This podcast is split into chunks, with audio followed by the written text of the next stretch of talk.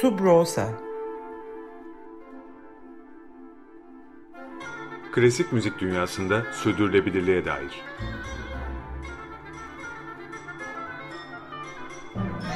Hazırlayan ve sunanlar Zafer Yenal ve Yaren Eren Budak.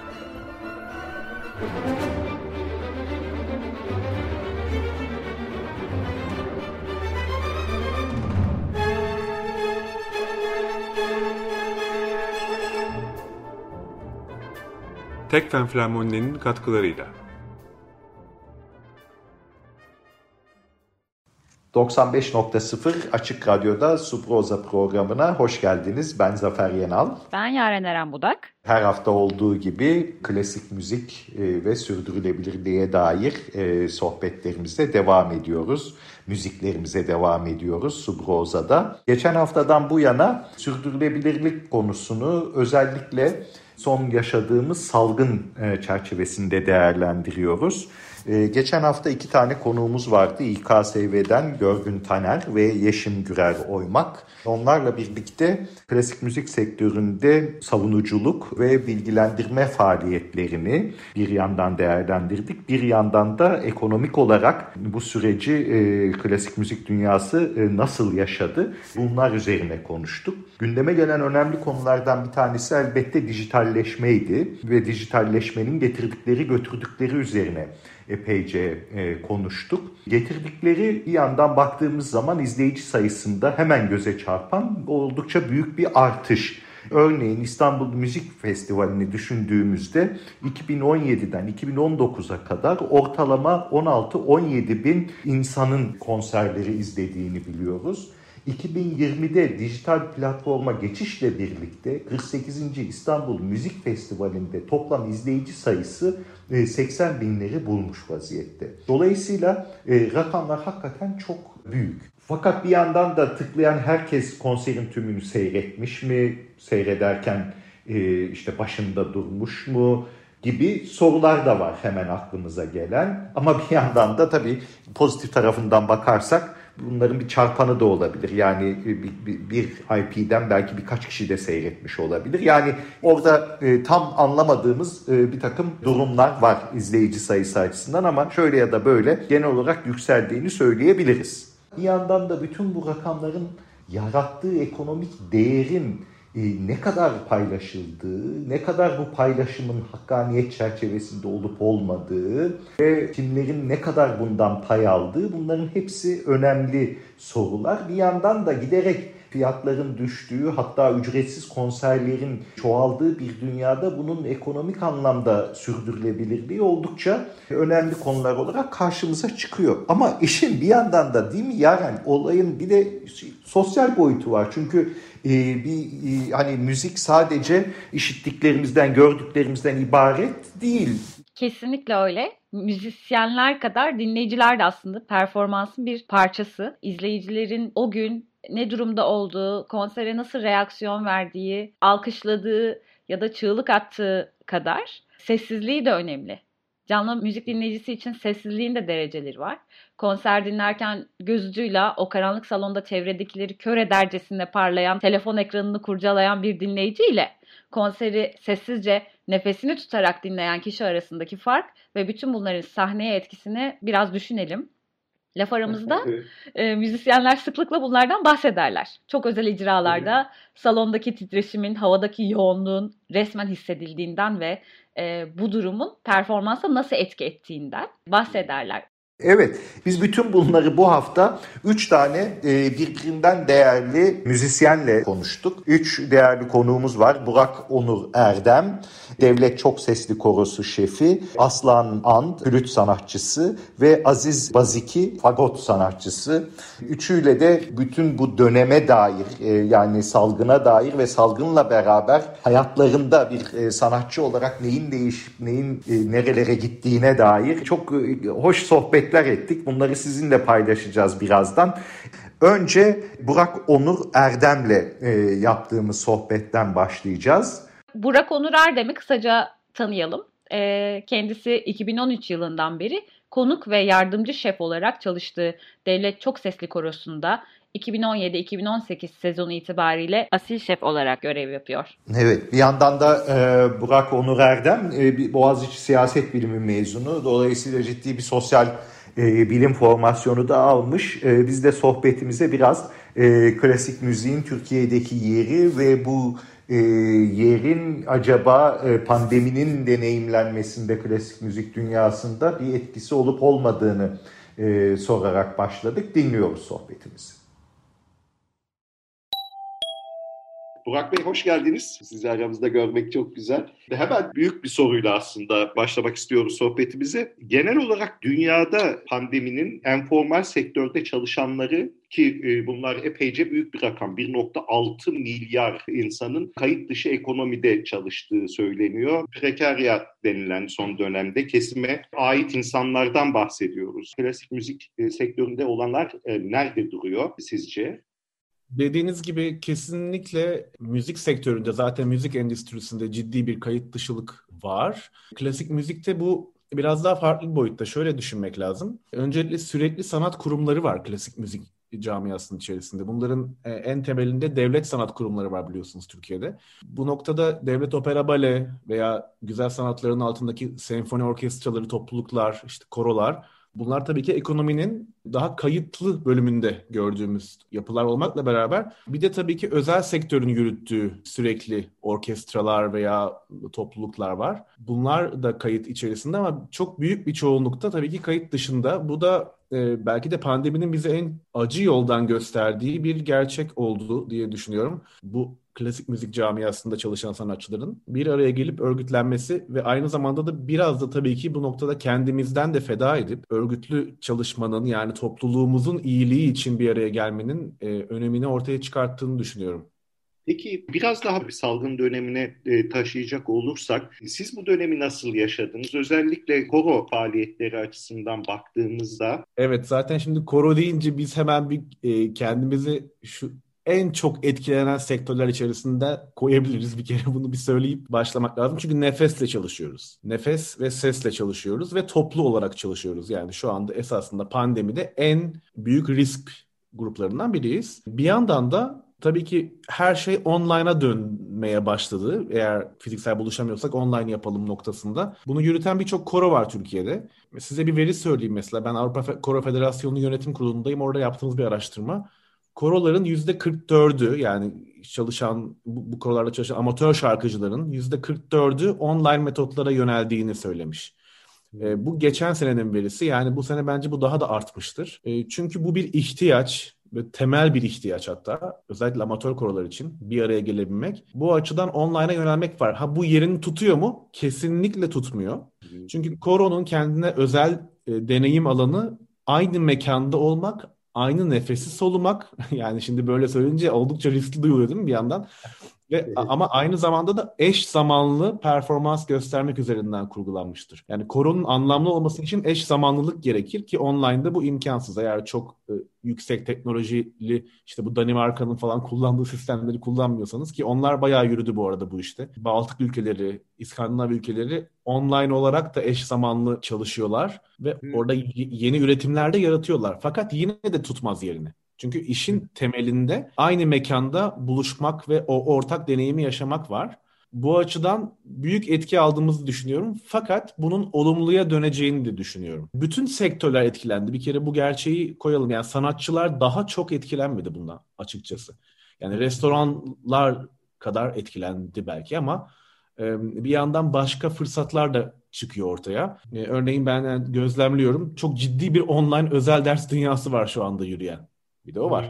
Yani farklı yönlere giden, streaming konserler yönüne gidenler var. Şunu söyleyeyim, etkilendik yani hep beraber ama aşırı dramatik olan e, bir şey görmüyorum ben diğer sektörlere bazı. Toplumun bütün kesimlerine baktığımızda belki de burada en çok direkt etkiyi görenlerin sağlık çalışanı olduğunu düşünürsek diğer sektörler belki biraz daha işin ekonomik boyutunda kalıyor. Tabii ki bu bizi vahşi biçimde sarstı yani bunu yatsımıyorum. Ee, bu etkilenme de bizde neyi neden yaptığımıza dair çok ciddi bir sorgulama süreci yarattığını düşünüyorum. Yani ortaya çıkarttığımız sanatsal üretimin 2022 itibariyle yeni formlara dönüşeceğini düşünüyorum ki bunu gözlemlemeye başladık dünyada. Mutlaka bir kere bu risk hayatımızda sürdüğü sürece artık bu eski e, diyeceğim artık işte devasa koroları, devasa orkestraları bir süre unutacağız. Daha küçük, daha butik, belki daha kompakt yapılar, belki daha oda müziği topluluklarının ağırlık kazandığını göreceğiz ki görüyoruz dünyada. Korolarda da aynı şekilde yani oda, oda koroları daha az kişiyle yapılacak işler. Belki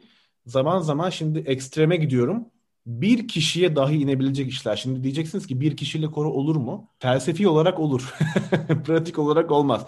Şöyle ki bir örnek vereceğim size bir iyi iyi örnek yani good practice örneği. Aha. Örneğin Netherlands Kamakor Hollanda Oda Korosu. Hollanda'da Mart ay, ayında çok ciddi bir Matteus pasyon, Aziz Matta pasyonu dönemi olur. İşte İsa'nın göğe yükselişinin yıl dönümü olarak görülüyor o dönemde ve pasyon yani Bach'ın pasyonu orada bütün Hollanda performanslarla doludur. Şimdi bu sene tabii yapamadılar bunu. Ve bu Mart ayında şöyle bir projeyle geldi Hollanda Oda Korosu.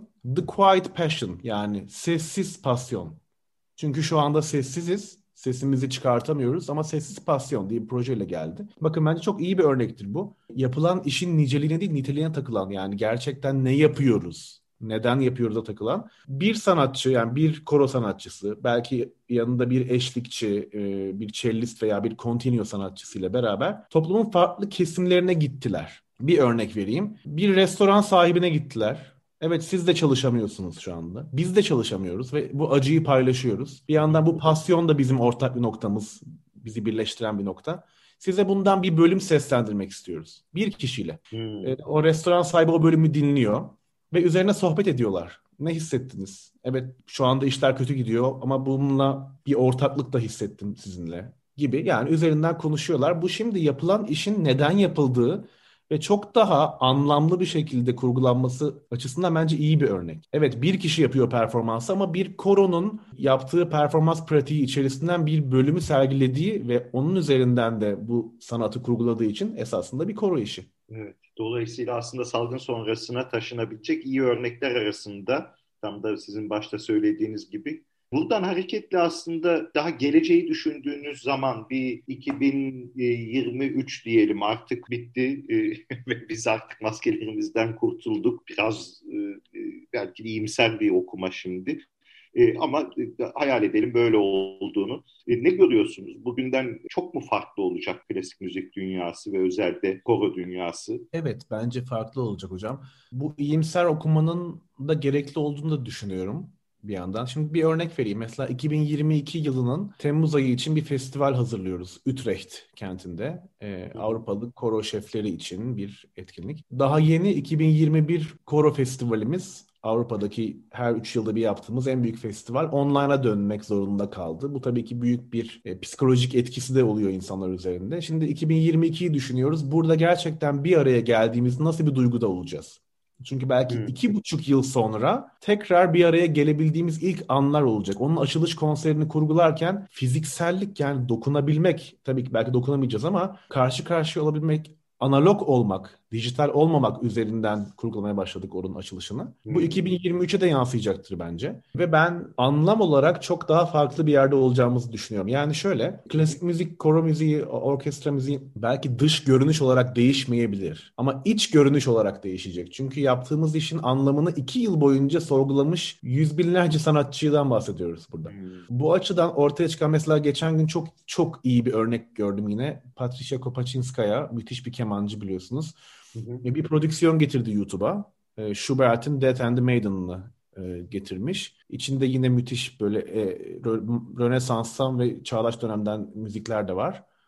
Bir prodüksiyon yani bir YouTube prodüksiyonu ve çok ulaşılabilir. Herkes açısından erişilebilir. Birkaç podcast dinliyordum da mesela klasik müzikçiler ne düşünüyor diye bu konu üzerinden. Bizim esasında konser salonuna olan belki de güçlü bağımlılığımızı birazcık koparmaya başlayacak bu. Yaptığımız üretimin topluma ulaşılabilirliği, erişilebilirliği üzerinden kendimizi tanımlayan bir noktaya geleceğimizi düşünüyorum. E, çok çok teşekkürler Burak Bey. Çok şahane bir e, sohbet oldu. Erişilebilirlik, ulaşılabilirlik ve e, toplumun farklı e, kesimleri arasında aslında müzik üzerinden diyaloğun büyümesi, önümüzdeki dönemde belki de klasik müziğin daha çok e, dinlenilirliğini, e, koro müziğinin e, daha fazla insana u, ulaşabilirliğini de beraberinde getirecek e, bu söylediklerinizden benim aklımda kalan ve böylece de e, geleceğe biraz daha sayenizde e, bu zor zamanlarda e, ümitli bakma yönünde büyük bir motivasyon oldu bu sohbet. Burak Onur Erdem'le salgının koro dünyasını nasıl etkilediğine yönelik konuştuk. Şimdi biraz da müzik dinleyelim. Dvorak, Requiem 5. bölüm dinleyeceğiz. Confitatis Melodictis. Requiem, ölümlerin arkasından yazılan ve missa formunu taşıyan cenaze ağıtıdır. Antonin Dvorak bu eseri 1890 yılında Asya gribi ya da Rusya gribi diye anılan yaklaşık 1 milyon kişinin ölümüne sebep olan salgın sonrası bestelemiştir. Yapıtın böylesine bir ağıt niteliği taşımasında da bu salgının muhtemelen etkisi var. Orkestra, koro ve solistler için olan eserin premieri bestecinin şefliğinde yapılmıştır. Prag Filarmoni Korosu, Çek Filarmoni Orkestrası seslendiriyor. Şef Jakub Gurusa. 95.0 Açık Radyo'da Subroza programına devam ediyoruz. Pandeminin klasik müzik dünyasına etkilerini bugün üç değerli konuğumuzla konuşuyoruz. Onların deneyimlerini dinliyoruz. İlk bölümde Burak Onur Erdem'i dinlemiştik. Devlet Çok Sesli Korosu şefi. Bu bölümde Aslan Ant, flüt sanatçısı e, Aslan Hanım ve aynı zamanda bir akademisyen. Mimar Sinan Güzel Sanatlar Üniversitesi İstanbul Devlet Konservatuvarı'nda hocalık yapıyor. Ve e, Aslan Hanım Tekfen Filarmoni Orkestrası'nın flüt grup şefi. E, şimdi Aslan Ant'ın pandemi sırasındaki müzikle olan deneyimini dinlemeye başlıyoruz. Nasıl yaşadınız pandemiyi? Ee, bize anlatır mısınız bir flüt sanatçısı olarak? Pandemi hepimizde olduğu gibi zor geçti, kolay değildi. Sevdiklerimizden, alıştığımız düzenimizden, öğrencilerimizden, orkestralarımızdan uzak kaldık ve sürekli bir tedirginlik hali içerisindeydik. Tutunmaya çalıştığımız şeyler tabii ki oldu. Onlardan bahsederiz sanıyorsam. Ama dileğim bu dönemin bir an önce son bulması ve bununla beraber tabii 2020 Mart ayından beri pandemi sebebiyle yaşanan sıkıntıları, can kayıplarını ve bu süreçte edindiğimiz farkındalığımızı, hüznümüzü derinden hissediyorum ve paylaşıyorum. Aslan Hanım çok e, çevrim içi projeniz oldu mu bu dönemde? Çevrimiçi projelerim oldu. Zaten e, müzisyenler olarak bu yeni düzenimize adapte olabilmek için de çok uğraştık. Bu çevrimiçi e, düzenimizde yaratıcılığımızı kullanmamız gerekti.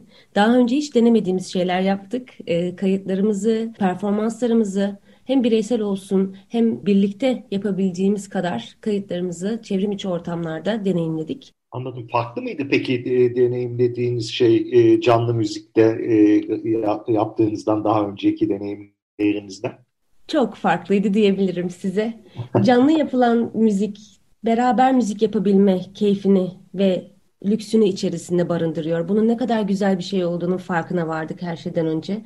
Beraber müzik yapmak, birlikte hissedebilmek, birlikte bir e, ahenk içerisindeyken birbirimize refleks gösterebilmek ve bir şeyin bir parçası olabilmek zaten canlı yapılan müziğin güzelliğini ortaya koyuyordu. Biz bundan mahrum kaldık.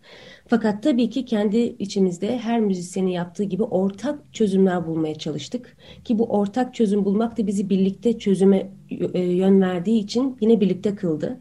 Bence müzisyenler en çok bu dönemde bu kadar bir hissettiler diye düşünüyorum. Bunun da aslında e, vesilesi çevrim içi müzik yapabilme arzumuzdur. Her şeyden önce canlı müzikteki farkı tabii ki seyirciye sahip olamamamız, onlara çalamamamız. Çünkü onların varlığının verdiği o değerli his bambaşka e, çok daha büyülü bir atmosfer hmm. sağlıyor. Onun dışında kayıtla değil de tek bir performansın getirdiği o doğallığı yaşayamadık bu süreçte.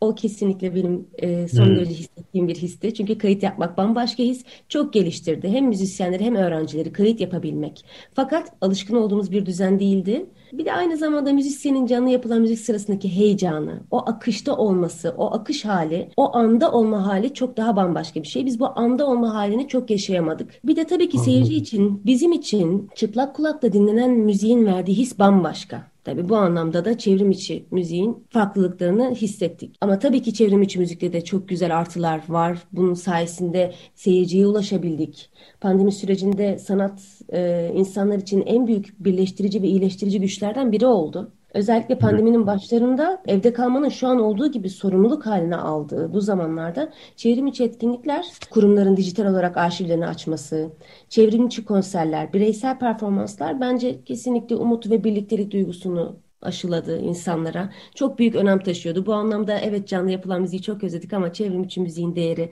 yatsınamaz. Peki bu dönem e, hani müzisyenler için özellikle zor bir dönem oldu. Çok iyi biliyoruz bunu. E, siz bir flüt sanatçısınız ve e, genel olarak böyle nefesli çalgılar açısından ve bu çalgıları aslında icra eden e, sanatçılar açısından baktığımız zaman e, bu süreç biraz daha zor yaşandı diyebilir miyiz? E, enstrümanın doğal özelliklerinden kaynaklanan e, bilmiyorum başka şeyler de olabilir tabii sizin müzisyen olarak daha vakıf olduğunuz. Ne dersiniz bu konuda? Tabii e, çok doğru söylüyorsunuz. Bu şekilde dezavantajları çok yaşadık ama her müzisyen yaşadı. Her enstrümanın kendine göre farklılıkları var, özellikleri var. Bu durumda hepimiz dezavantajlarını yaşadık. Ama şundan bahsetmeliyim ki müzisyen olarak bakıldığı zaman e, özellikle bir kurumda çalışmayan, kendi bireysel projeleriyle performanslarını e, e, sergileyen, bu şekilde geçinen müzisyenlerimiz bundan en çok etkilendiler. Onun dışında diğer müzisyenlerimiz de e, pandeminin getirdiği düzenden etkilendik. Evimizde çalışamadık. Flüt belki de o kadar zor bir enstrüman değil. Komşularımız daha tolere edebiliyorlar bir anlamda. Ama mesela brass enstrümanlar ve vurmalı çalgılar evlerinde enstrümanlarını icra edemediler. Bir müzisyenin çalışamaması onun körelmesi demektir bu anlamda. E, hmm. Evimizin içerisindeki diğer insanlar olsun, komşularımız olsun, onların e, sabrı bizim için bu anlamda çok önemliydi. Bazıları bu e, sabrı elde edemediler de. E, hmm. Onun dışında her müzisyende olduğu gibi sahneden uzak kalmanın yarattığı sahadan uzak kalma hissimiz vardı. Bu bizler için hiç alışıldık bir şey değildi. Çünkü bir şekilde müzisyenliğimizi ortaya koyabilecek platformumuz elimizden alınmıştı.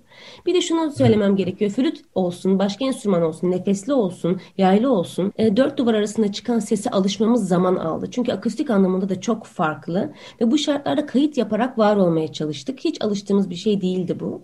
Her şeyden önce tabii ki hangi enstrüman olursa olsun birlikte müzik yapamadık. Yani birliktelik bu anlamda bizi en çok birbirimize bağlayan şey. Flüt anlamında söylemem gerekirse flüt diğer enstrümanlara göre daha riskli bir grupta yer almakta.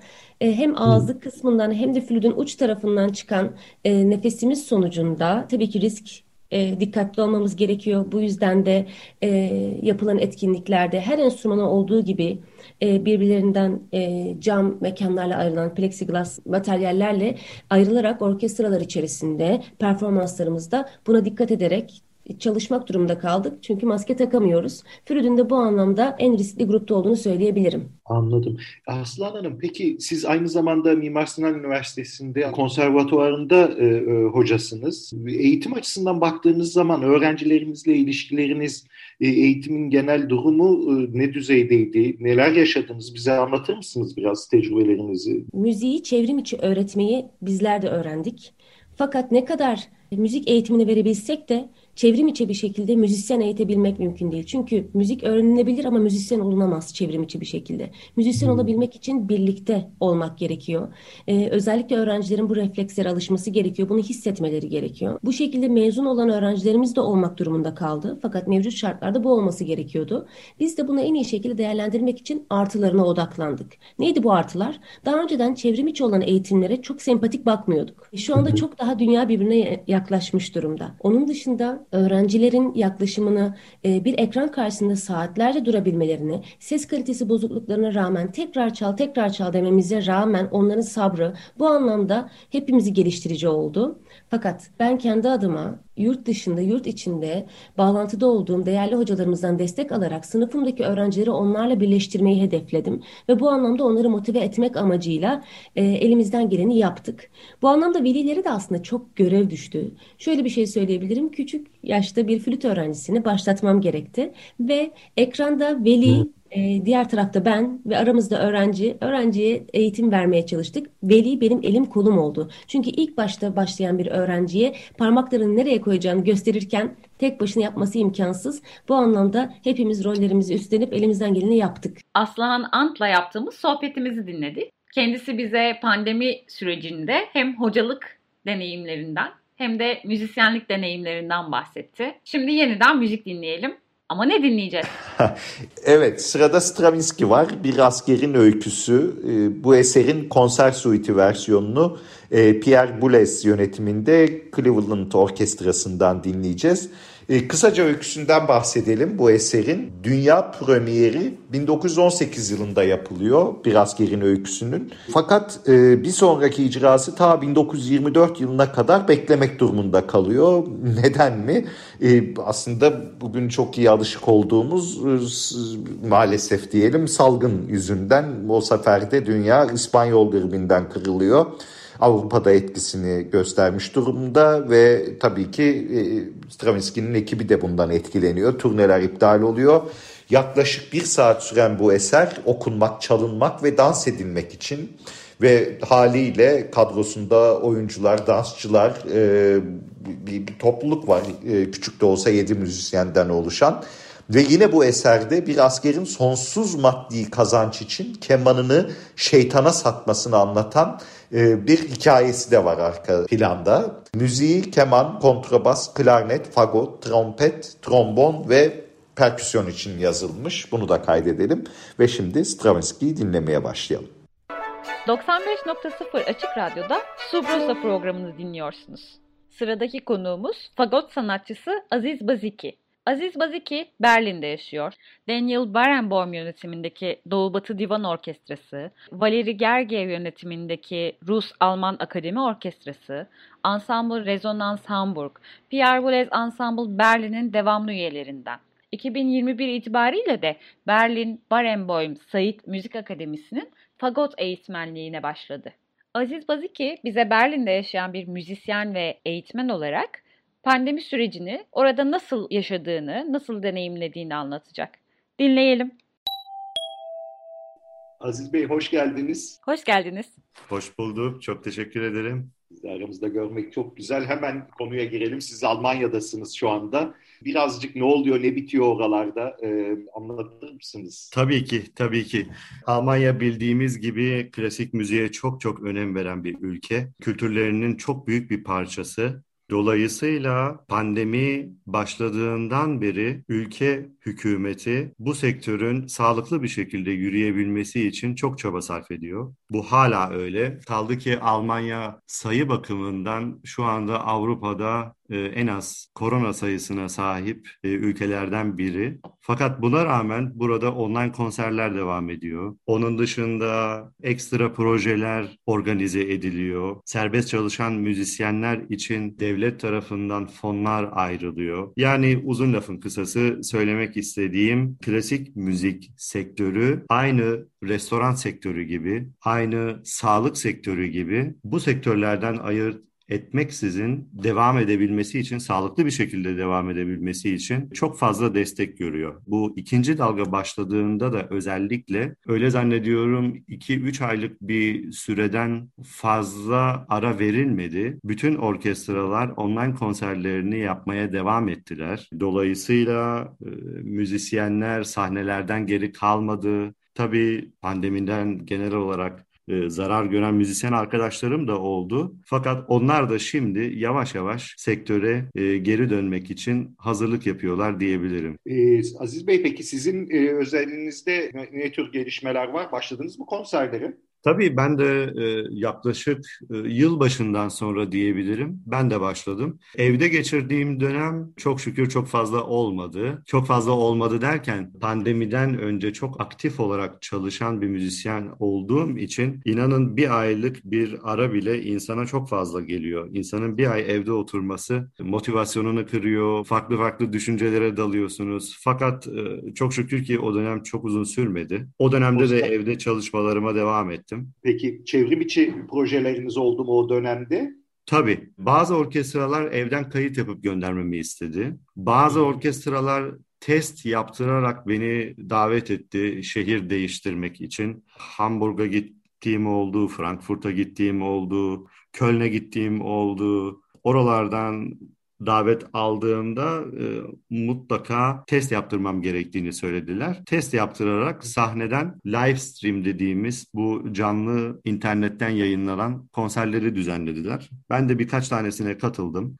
Ne, neler hissettiniz Aziz Bey? Biz duyuyoruz hep canlı gibi olmadığını söyleyenler de var. Başka türlü düşünenler de var. Sizin tecrübeniz ne yöndeydi? Biliyorsunuz dünyaca ünlü şef Daniel Barenboim ile ben de çalışıyorum. Kendisinin bir röportajında bir cümlesi o kadar hoşuma gitti ki benim de ne hissettiğime tek bir cümleyle tercüman olmuş oldu. Kendisi diyor ki bu internetten yayınlanan konser sırasında çok e, alışıla gelmemiş bir e, şey olarak tek bir öksürük bile duymadım. Kendisi bu hissi böyle açıklıyor. Ben de inanın onun söylediği cümlenin arkasından giderek şöyle bir şey söyleyebilirim. Sahneye çıkıyorsunuz. Aynı normal canlı konsere hazırlanır gibi kendinizi hazırlıyorsunuz. Fırağınızı giyiyorsunuz, enstrümanınızı açıyorsunuz, sahneye bir çıkıyorsunuz, salon bomboş. Hmm.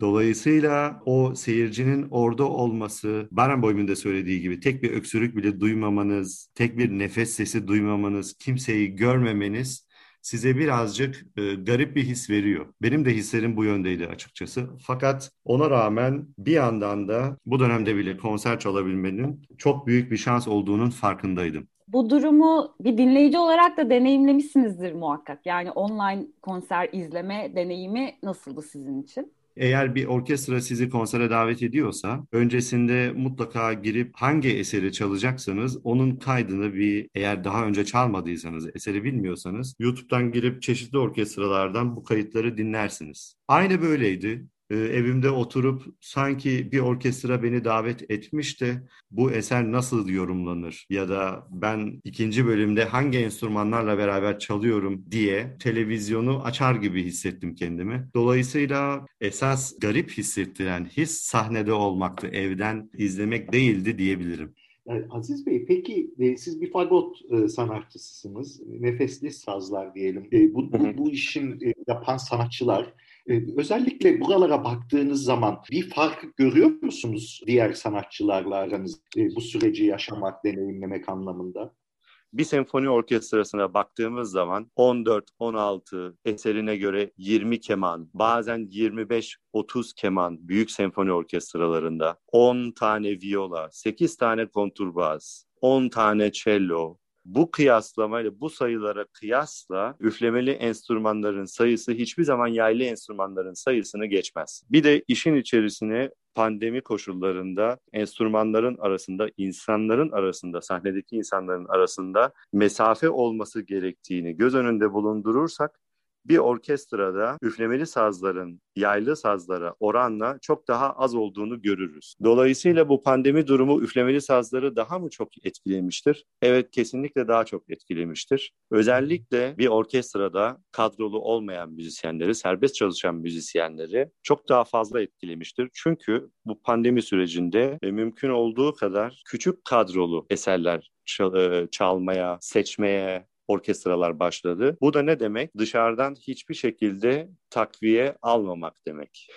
Yani üflemeli sazların pastada payı azalırken bir yandan da yeni nesiller eğitmeye devam ediyor. Siz de bir eğitmensiniz aynı zamanda. Bu süreci bir eğitmen olarak nasıl yaşadınız? Pandeminin ilk gününden itibaren düşünecek olursanız nasıl bir hikaye oldu? Almanya e, bize öyle kolaylıklar sağladı ki işte özellikle üflemeli enstrüman çalan öğretim üyeleri ders yaparlarken öğrencilerle arasına saydam cam gibi fakat plastikten birbirinizi görebileceğiniz şekilde küçük duvarlar koydular mesela. Muazzam bir önlem. Çok muazzam bir önlem. Aynı şekilde sınıfa girmeden önce hem öğrenciyi hem de öğretmeni test yapıp yani test zorunluluğu getirdi. Benim kendi çalıştığım öğretim görevlisi olduğum akademi bize şu koşulu şart koştu. Mutlaka ve mutlaka haftada iki kere dersiniz olmasa bile kendinizi test yaptırmak zorundasınız. Biz size testleri temin ediyoruz. Aynı şeyi öğrenciler için de sağladılar.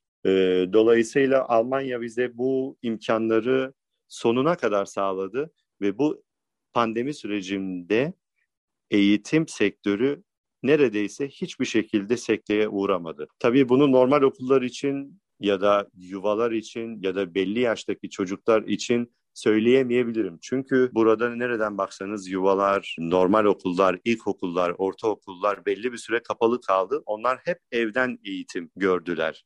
Fakat bizim müzik camiasında, müzik sektöründe kulağınızın duyması ve hocanızı bir şekilde taklit edip kendinizi geliştirebilmeniz o kadar önemli ki yönetimimiz de bu işin bilincinde olduğu için bize her zaman en iyi imkanı sağladılar. Ee, burada yaşananları düşününce çok ekstrem geldi bana. Harika bir önlemler silsilesi alınmış ve neredeyse hiç aksamamış. Olağanüstü. Evet. Said Barenboim Akademisi'ndesiniz. Orkestrada çalıyorsunuz. Talihsiz günler yaşıyoruz. E, Gazze'de olup bitenler. Ne, ne dersiniz, ne demek istersiniz? Bir cümle, iki cümle sizden duymak önemli. Şöyle ki e, Barenboim Said Akademisi ve benim içinde çalıştığım, bizzat görev aldığım 6-7 senedir divan orkestrası politik olarak bir araya gelmesi imkansız milletlerin insanlarıyla, vatandaşlarıyla toplanıp müzik yapma akademisi. Dolayısıyla benim akademideki öğrencilerimin nereden baksanız %90'ı İsrailli ve Filistinli. Oraya gittiğimde görüyorum ki o topraklarda yaşanan savaşların hiçbir tanesi bizim müzik sektöründe yok. Çünkü din, dil, ırk, ülke, kültür fark etmeksizin hepimiz aynı dili konuşuyoruz. Bu dil nedir? Bu dil müziktir. Ve Daniel Barenboim e, müzisyenliğinin yanı sıra çok barışçıl, barış elçisi birkaç ülkenin aynı zamanda barış elçiliğini yürüten bir insan olduğu için bize bu düşünceleri beraber çalıştığımız yıllarda hep aşıladı. Dolayısıyla o topraklarda yaşanan o talihsiz e, savaş durumları için şunu söyleyebilirim. Umarım bir gün müzik onları da iyileştirir. Evet Aziz Baziki e, umarım müzik onları da iyileştirir dedi. Aziz Baziki e, Doğu Batı Divan Orkestrası'nın e, üyelerinden bir fagot sanatçısı ve aynı zamanda Said Barenbaum Akademi'nin de eğitmenlerinden. Onun ümidini biraz daha genişletebiliriz. Dünyadaki bütün kötülüklerin e, müzik tarafından iyileştirileceği günlerin e, yakında olmasını e, dileyelim hep birlikte. Evet programımızın sonuna geliyoruz. 95.0 Açık Radyo'da Subrosa'nın 3. bölümünün sonlarındayız. Söyleşi yaptığımız Burak Onur Erdem, Aslan Ant ve Aziz Baziki ile pandemi ve sosyal sürdürülebilirlik ilişkisini konuştuk. Konuklarımız arasında bir koro şefi, ardından aynı zamanda eğitmenlik de yapan bir flüt sanatçısı ve bir fagot sanatçısı vardı. Ve onlarla canlı müzik pratiklerinin pandemiyle beraber nasıl değişip dönüştüğünden, çevrimiçi ortama nasıl adapte olunduğundan, ve bunların müzik mekan ilişkisine nasıl etki ettiğinden ve son konuğumuz Aziz Baziki ile yaptığımız sohbetle beraber de işlerin Türkiye'de ve Berlin'de nasıl yürüdüğüne dair bir karşılaştırma yapma olanağımız oldu. Ve böylece bir Subroza programının daha sonuna geldik. Sırada bir parçamız daha var. O parçayı anons etmeden önce bir iki hatırlatmamız var. Öncelikle bize iletmek istediğiniz herhangi bir düşünceniz, eleştiriniz, görüşünüz olursa programımızla ilgili subroza.açikradyo.com com.tr adresinden ulaşabilirsiniz bize. Ve ikinci hatırlatmamız bu hafta e, biliyorsunuz e, Açık Radyo'nun yıllardan beri devam eden ve bu sayede aslında Açık Radyo'yu ayakta tutan dinleyici destek projesinin e, başladığı hafta dün başladı. Bugün ikinci günü hatırlatmak istedik. Ee, şimdi geldi e, sıradaki parçayı sizlere tanıtmaya. Astor Piazzolla'dan dinleyeceğiz. Astor Piazzolla bir yandan caz, bir yandan klasik müzik, bir yandan tangoyu bir araya getiren 20. yüzyılın müzik dehalarından birisi ve bu yıl onun 100 e, doğum yıl dönümü. E, bir yandan da onu kutlamış olacağız bu parçayla. Tabii Piazzolla'nın İtalyan bir aileden geldiğini, Arjantin'de doğduğunu, New York'ta büyüdüğünü, müziğini anlamak için önemli e, olduğunu bir kez daha hatırlatalım. E, birçoklarına göre New York'un caddelerinin, sokaklarının sertliği, şiddeti çoğu zaman müziklerine yansımıştır. E, neyi dinliyoruz Yaren? Astor Piazzolla'dan iki gitar için Tango Suite'inin birinci bölümünü dinleyeceğiz. Bir fagot dörtlüsü seslendirecek. Piazzolla'nın aslında iki gitar için yazdığı tango suite'inin fagot dörtlüsü ve perküsyon için uyarlaması. Müzikte duyduğumuz perküsif motifler aynı zamanda gitar ikilisinde de gitarın gövdesinde vuruşlarla duyulmaktadır. Gitar ikilisi için yazılan bu eseri nefesli bir saz olan fagotun farklı sınısından dinliyoruz. Quadriga Basson Ensemble ve Andreas Berger tarafından icra edilecek. Haftaya görüşmek üzere. Hoşçakalın. Subrosa Klasik müzik dünyasında sürdürülebilirliğe dair.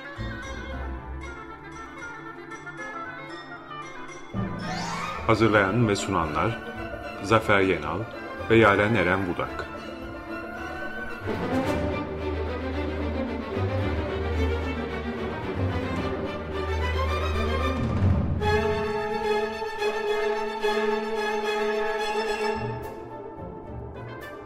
Tekfen Flamoninin katkılarıyla